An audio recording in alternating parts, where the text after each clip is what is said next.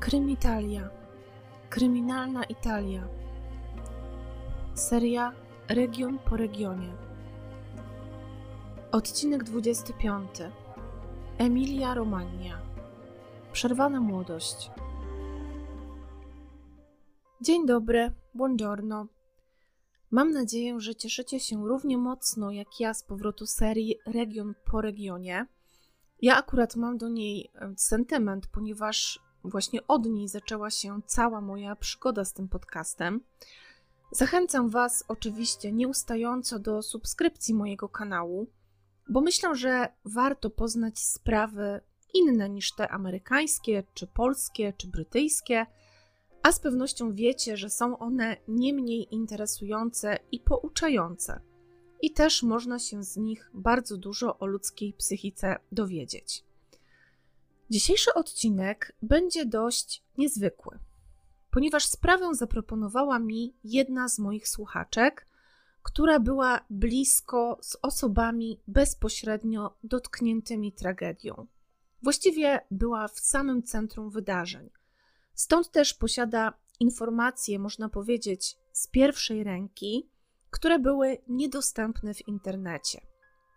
I pracując właśnie nad tą sprawą, Uderzyło mnie, jak często prasa podaje niepotwierdzone informacje, które później są powielane w kolejnych artykułach.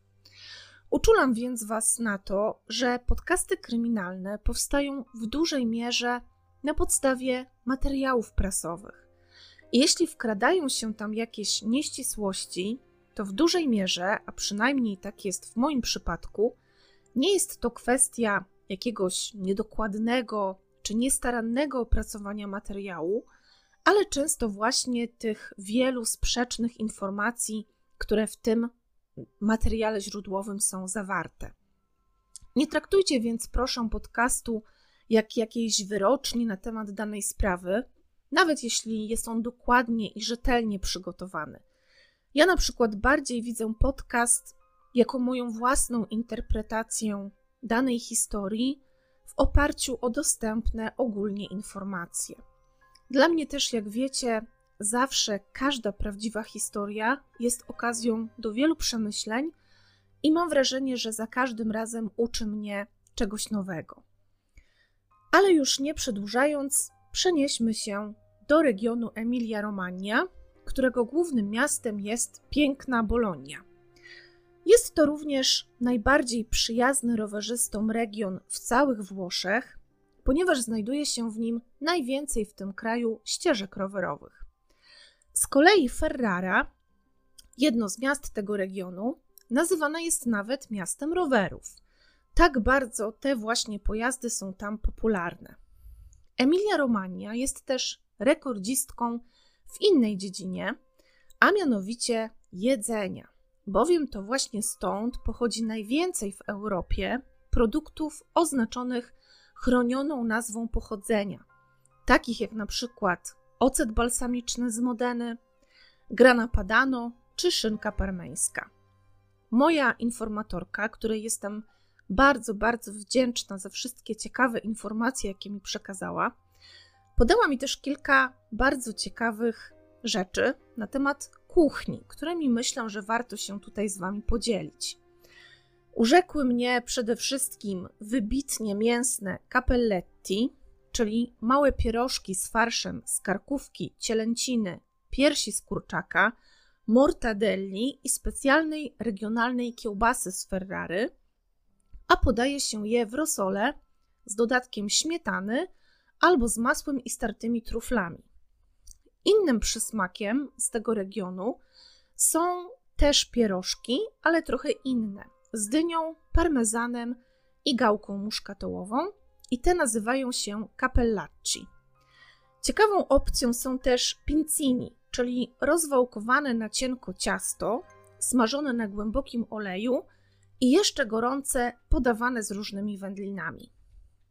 Miasteczko Bondeno, o którym dziś będzie mowa w podcaście, może się też pochwalić starą, bo przekazywaną wręcz z pokolenia na pokolenie restauracją o nazwie Tassi, która serwuje właśnie kuchnię regionalną, m.in. dziczyznę i trufle, a gościli w niej tacy sławni ludzie jak na przykład Sofia Loren czy Roberto De Niro. Na prośbę mojej słuchaczki, personalia osób związanych z tą sprawą zostały zmienione w celu uszanowania ich prywatności. Zanim przyniosę Was jednak do Włoch, musimy przez krótką chwilę pobyć jeszcze w Polsce. Tak więc w niewielkiej miejscowości w naszym kraju mieszkała pewna rodzina. Nas będą interesować przede wszystkim 23-letnia Joanna i jej młodsza o 4 lata siostra Agnieszka. Agnieszka była zresztą najmłodszą z trzech córek, tak więc też można powiedzieć oczkiem w głowie mamy i taty. Kiedy Agnieszka miała 19 lat, ojciec dziewczyn był już na emeryturze, a Joanna, ta o której wspomniałam, 23-letnia, mieszkała już wtedy od kilku lat we Włoszech. Niestety tę rodzinę dotknęła w tym właśnie okresie, no niestety, tragedia, ponieważ mama dziewczyn umarła po długiej i bardzo nierównej walce z rakiem. Najmłodsza z sióstr, Agnieszka, przeżyła to wszystko bardzo mocno.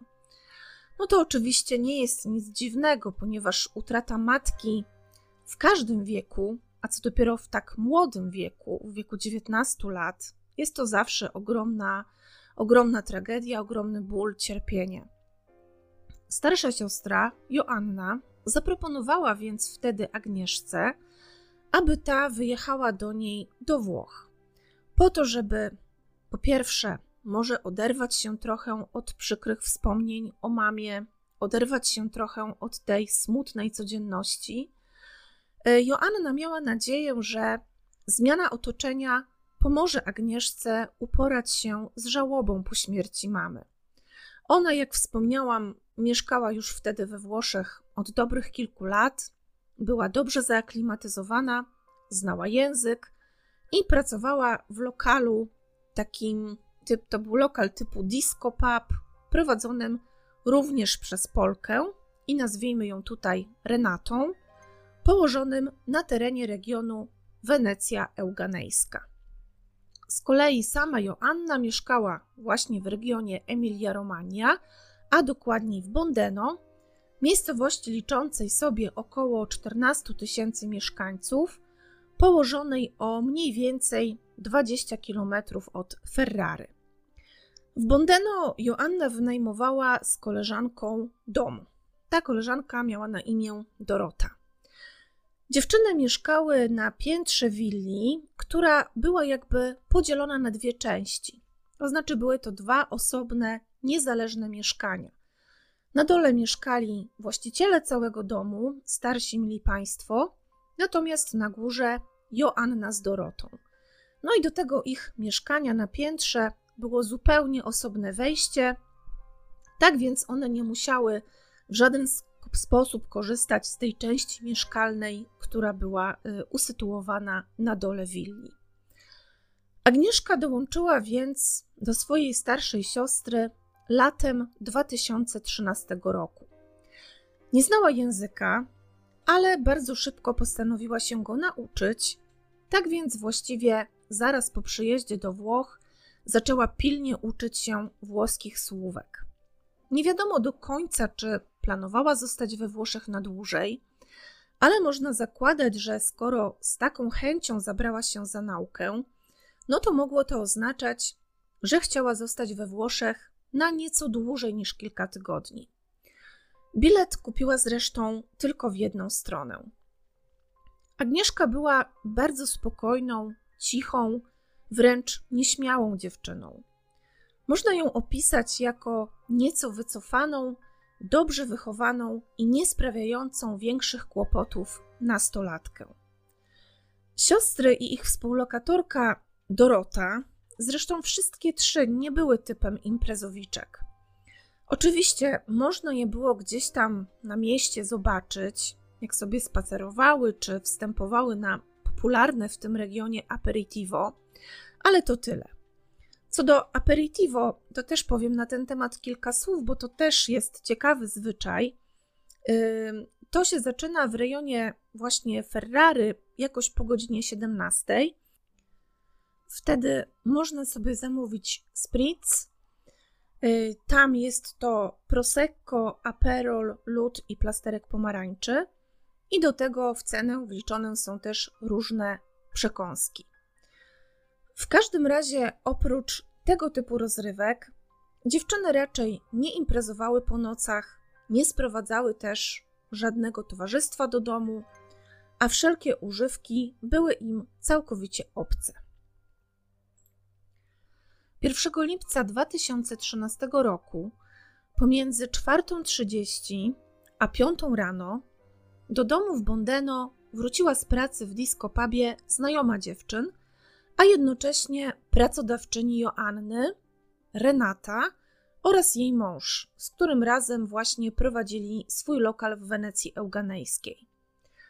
Renata była zmęczona po nocy spędzonej za barem, więc odświeżyła się, ubrała w piżamę i już planowała położyć się do łóżka po ciężkim dniu. Niestety nie było jej to dane, ponieważ zanim w ogóle zdążyła położyć głowę na poduszce, odezwał się dzwonek jej telefonu. Okazało się, że dzwonią spanikowane Joanna i Dorota, z którymi ledwo co kobieta zdążyła się rozstać po pracy. Dorota krzyczała wręcz do słuchawki i wzywała pomocy. Natomiast w tle słychać było krzyk Joanny. Renata była zdezorientowana. Nie potrafiła właściwie wyłuskać żadnego sensu z tych chaotycznych krzyków i w ogóle zrozumieć, co się tam stało. Co się stało z dziewczynami, dlaczego one w ten sposób się zachowują i dlaczego w ogóle wołają o pomoc. Nie patrząc jednak na nic, kobieta oczywiście wyskoczyła jak najszybciej z domu. Była jeszcze wtedy już, można powiedzieć, w piżamie i razem z mężem podjechała pod dom sióstr, który znajdował się w niedalekim sąsiedztwie właśnie od ich domu, tam w Bondeno. Na miejscu Dorota przekazała im straszną, mrożącą krew w żyłach informację. Powiedziała, że młodsza siostra Joanny, dziewiętnastoletnia Agnieszka, jest w środku w domu, ale nie żyje, a drzwi są zamknięte na klucz od wewnątrz. Dorocie udało się dostać do środka przez uchylony lufcik, i tam już właśnie w środku, w łazience, znalazła martwą Agnieszkę. Kiedy zobaczyła dziewczynę w takim stanie, przeraziła się okropnie i uciekła stamtąd przez okno. Klucz, kiedy Renata z mężem przyjechali na miejsce, nadal tkwił w zamku po wewnętrznej stronie drzwi. Dorota i Joanna opowiedziały, że kiedy wróciły z pracy, zastały drzwi zamknięte. Zaczęły więc dość intensywnie pukać, a w końcu już dobijać się, no tak dość ostro i wołać Agnieszkę, no bo pomyślały, że dziewczyna musiała zasnąć i że nie słyszy ich pukania. Wtedy też Dorota zauważyła ten uchylony lufcik w łazience, a ponieważ była taką bardzo szczupłą i zwinną osobą, no to z łatwością przecisnęła się przez tam tę szczelinę, która, która była y, uchylona w tym, w tym lufciku. No i mm, tak jak Wam powiedziałam, to co została w łazience wywołało w niej taki szok, że wyszła stamtąd z powrotem, tym razem przez okno. No i wtedy już obie dziewczyny w panice i przerażeniu zadzwoniły do Renaty. Po usłyszeniu tej przerażającej opowieści, mąż Renaty również postanowił dostać się do środka. Udało mu się wejść przez okno, a po chwili wyszedł z domu normalnie już drzwiami, które otworzył tym kluczem tkwiącym w zamku od środka. Kiedy wyszedł na zewnątrz, było widać, że był blady i przerażony, i na tym etapie był już właściwie pewien, że Agnieszka nie żyje. Było to widać doskonale, choćby po bladosinym odcieniu jej skóry. Mężczyzna chwycił szybko za słuchawkę telefonu i zawiadomił policję i karetkę. Chociaż, tak jak mówią, było już raczej jasne, że niestety dla młodej dziewczyny nie da się nic więcej zrobić. Pod domem szybko rozpętało się prawdziwe piekło, ponieważ oprócz służb zjawiły się też wkrótce tłumy gapiów i dziennikarzy z lokalnych gazet. Renacie udało się wyrwać na chwilę do domu, żeby chociaż przebrać się z piżamy w jakieś normalne ubrania. Natomiast schronienia dziewczynom Dorocie i Joannie udzielili ich gospodarze, gospodarze tej willi, w której mieszkały, na parterze. Pytań z każdej strony było tyle, że aby ochronić jakoś Joannę i Dorotę przed tą nawałnicą, Renata i jej mąż znaleźli im lokum w niedalekiej okolicy, ale jednak z dala od miejsca całej tragedii. Policja od razu na miejscu przesłuchała Renatę, natomiast jej mąż, Joanna i Dorota byli po kilka razy wzywani na kolejne przesłuchania. Zostały im również pobrane próbki z włosów, prawdopodobnie po to, aby, jak domyśla się Renata, wykluczyć obecność substancji odurzających w organizmie. Żadne z nich w każdym razie nie było pod wpływem ani alkoholu, ani narkotyków. W jakim stanie została natomiast znaleziona Agnieszka? Dziewczyna leżała w wannie, w której była bardzo niewielka ilość wody. Z tego, co powiedziała mi moja słuchaczka, y, tej wody nie było w wannie nawet do połowy. A do tego dziewczyna miała na sobie ubrania. Miała krótkie spodenki i koszulkę. Co więc mogło się jej stać? Czy to możliwe, żeby utopiła się w przysłowiowej kropli wody? Według Renaty i rodziny Agnieszki, policja niestety nie przyłożyła się za bardzo do tego, aby wyjaśnić, co mogło spotkać młodą dziewczynę. Nie wiadomo, co ona robiła przez cały ten dzień i przez cały wieczór poprzedzający swoją śmierć.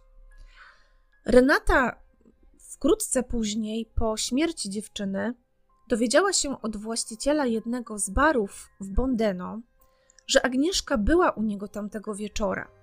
Według jego słów miała szkliste oczy i była bardzo spragniona.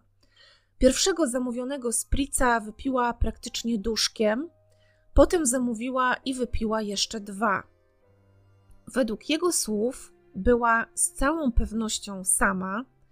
Nikt się wtedy do niej nie dosiadł, nikt jej nie zaczepiał, nie rozmawiała przez telefon, nie pisała z nikim żadnych wiadomości. Mężczyzna ten sam zgłosił się na policję z tymi informacjami, ale temat nie został właściwie w żaden sposób podjęty czy zgłębiony. Dziewczyny mieszkały w takiej okolicy, w której było bardzo dużo różnych lokali, sklepów, barów. Tak więc sprawdzenie danych z jakiegokolwiek monitoringu nie powinno być dużym problemem. Być może na którymś z tych nagrań została uwieczniona Agnieszka, może na przykład w czyimś towarzystwie. Niestety jednak aż dotąd nic o tym nie wiadomo. Jak już wiecie, Agnieszka bardzo przeżywała śmierć mamy i była w głębokiej żałobie. Jak wspomniałam na początku, była też z natury spokojną i cichą dziewczyną, tak więc nie miała jeszcze właściwie żadnych znajomych w mieście. Oprócz tego nie mówiła jeszcze po włosku, co oczywiście oprócz jej nieśmiałości też dość mocno utrudniałoby jej nawiązywanie nowych kontaktów. Po kilku miesiącach od zdarzenia policja doszła do wniosku, że w śmierci dziewczyny nie brały udziału osoby trzecie. Autopsja wykazała, że na jej ciele nie było żadnych obrażeń, które, mo które mogłyby na przykład powstać od walki, od jakiejś szarpaniny itd. Tak nie odbyła również przed śmiercią stosunku seksualnego, ani też nie doszło do żadnej napaści seksualnej. Jednak przyczyna jej śmierci tak naprawdę nadal pozostaje zagadką. Czy to możliwe, że Agnieszka popełniła w ten sposób samobójstwo? Drzwi były zamknięte od wewnątrz na klucz. Dziewczyna leżała w wannie z wodą, jednak woda, jak już wiecie, nie sięgała nawet do połowy. Czy w takim razie to wystarczyłoby, żeby się utopić? Renata nie wierzy w wersję o samobójstwie. Tak się składa, że dzień odnalezienia martwej Agnieszki był również dniem urodzin jej siostry Joanny. Dziewczyny były ze sobą bardzo blisko związane. Obie przeżywały ogromnie śmierć matki. Czy Agnieszka zadałaby aż taki ból siostrze? Oprócz tego, dziewczyna była wierzącą i praktykującą katoliczką, a jak wiadomo, według tej wiary samobójstwo jest grzechem śmiertelnym, czyli niewybaczalnym. Czy ta świadomość nie byłaby dla dziewczyny jednak wystarczającą blokadą? Jak wspomina Renata, niedługo przed śmiercią Agnieszka przeglądała też katalogi z tatuażami i wybrała nawet jeden, który chciała sobie zrobić. Był to motyw różańca z krzyżykiem, a do tego jakiś napis. No i zupełnie nie pasowało to do zachowania osoby, która chciałaby targnąć się na swoje życie. Wydaje się, że taka osoba chyba nie robiłaby żadnych większych planów. No ale tego nigdy nie wiadomo, oczywiście. Jeśli jednak nie było to samobójstwo, to co się tak naprawdę wydarzyło? Czy jest możliwe, że ktoś, na przykład wcześniej tej nocy, dosypał Agnieszce coś do napoju? Są przecież substancje, które rozkładają się tak szybko i w taki sposób, że sekcja zwłok i toksykologia mogły zupełnie nic nie wykazać. Gdyby tak faktycznie było, że Agnieszka coś wypiła i straciła kontrolę, a później wróciła do domu i nie wiedziała, co robi, bo była w takim stanie, że weszła do wanny, no i tam właśnie straciła życie wskutek zakrztuszenia czy utonięcia. No wiecie, jak to jest. Osoba pod wpływem takich, takiej substancji właściwie nie wie, co robi. Pewnie to też w różny sposób działa na różne osoby, w zależności od e, jakiejś tam predyspozycji, wagi ciała i tak dalej. E, ale w większości przypadków bywa to tak, i tak to wspominają osoby, które niestety były pod wpływem czegoś takiego, że one zupełnie nie były sobą, że, że często w ogóle nawet nie pamiętają, co się z nimi działo, co robiły, jak to wszystko przebiegało. Tak więc w tym przypadku przecież mogło być podobnie. Renata starała się dowiedzieć czegoś więcej o tym, jak Agnieszka spędzała tamten wieczór. Wypytywała na przykład właścicieli okolicznych lokali, pokazywała im zdjęcia Agnieszki, no, li, no i liczyła właśnie na to, że ktoś coś sobie w końcu przypomni. Dodać trzeba, że we Włoszech uroda dziewczyny była dość charakterystyczna, no bo ona miała blond włosy, jasne oczy, co z pewnością nie pozostawało niezauważone. Nikt jednak nie potrafił powiedzieć niczego konkretnego, rzucić chociaż nikłego światła na sprawę. Agnieszka miała w zwyczaju przez ten krótki okres, kiedy przebywała we Włoszech, były to chyba niecałe trzy tygodnie, ona miała w zwyczaju wychodzić czasem sama na miasto. Lubiła sobie tak po prostu pospacerować, pozwiedzać, wstąpić na lody, wypić kilka drinków. Zwłaszcza, że miasto, mimo że niewielkie, to jednak tętniło wieczorami życiem. Zresztą we Włoszech to jest powszechne, że wszystko jest otwarte do późnych godzin nocnych i nawet często malutkie dzieci wychodzą z rodzicami na pizzę czy na lody późnym wieczorem. Wynika to pewnie i z kultury, i z pogody, jaka właśnie jest we Włoszech, z upałów, które często tam są taka chęć właśnie trochę odetchnięcia, y, nabrania oddechu późnym wieczorem, kiedy ta pogoda już jest troszeczkę bardziej sprzyjająca i łagodniejsza. Agnieszka mm, trzymała się oczywiście ze swoją siostrą i z jej koleżanką, ale jak wspomniałam, raczej żadna z nich nie spoufalała się z nikim miejscowym. Chociaż oczywiście dla wszystkich dziewczyny były zawsze miłe i uprzejme, a Dorota i Joanna dbały też bardzo o to, żeby Agnieszka dobrze się u nich czuła. Często wszystkie trzy spotykały się też z Renatą i z jej mężem, na przykład na popołudniowe aperitivo, czy czasami jechali sobie razem samochodem na jakąś krótką wycieczkę. I tak można by było w skrócie podsumować życie towarzyskie Agnieszki we Włoszech. Okoliczni mieszkańcy znali już też dziewczyny z widzenia, to znaczy no Joannę i Dorotę znali wcześniej, ale też teraz Agnieszkę i również mieli o nich bardzo dobrą opinię. Dobrze wychowane, kulturalne, skromne młode kobiety. Policja, jak można przeczytać w nielicznych artykułach prasowych dotyczących tej sprawy, od początku brała pod uwagę różne tropy. Między innymi, tak jak wspomniałam, właśnie morderstwo, samobójstwo, czy wreszcie jakiś problem zdrowotny u Agnieszki, który właśnie mógł doprowadzić tak niespodziewanie do jej śmierci.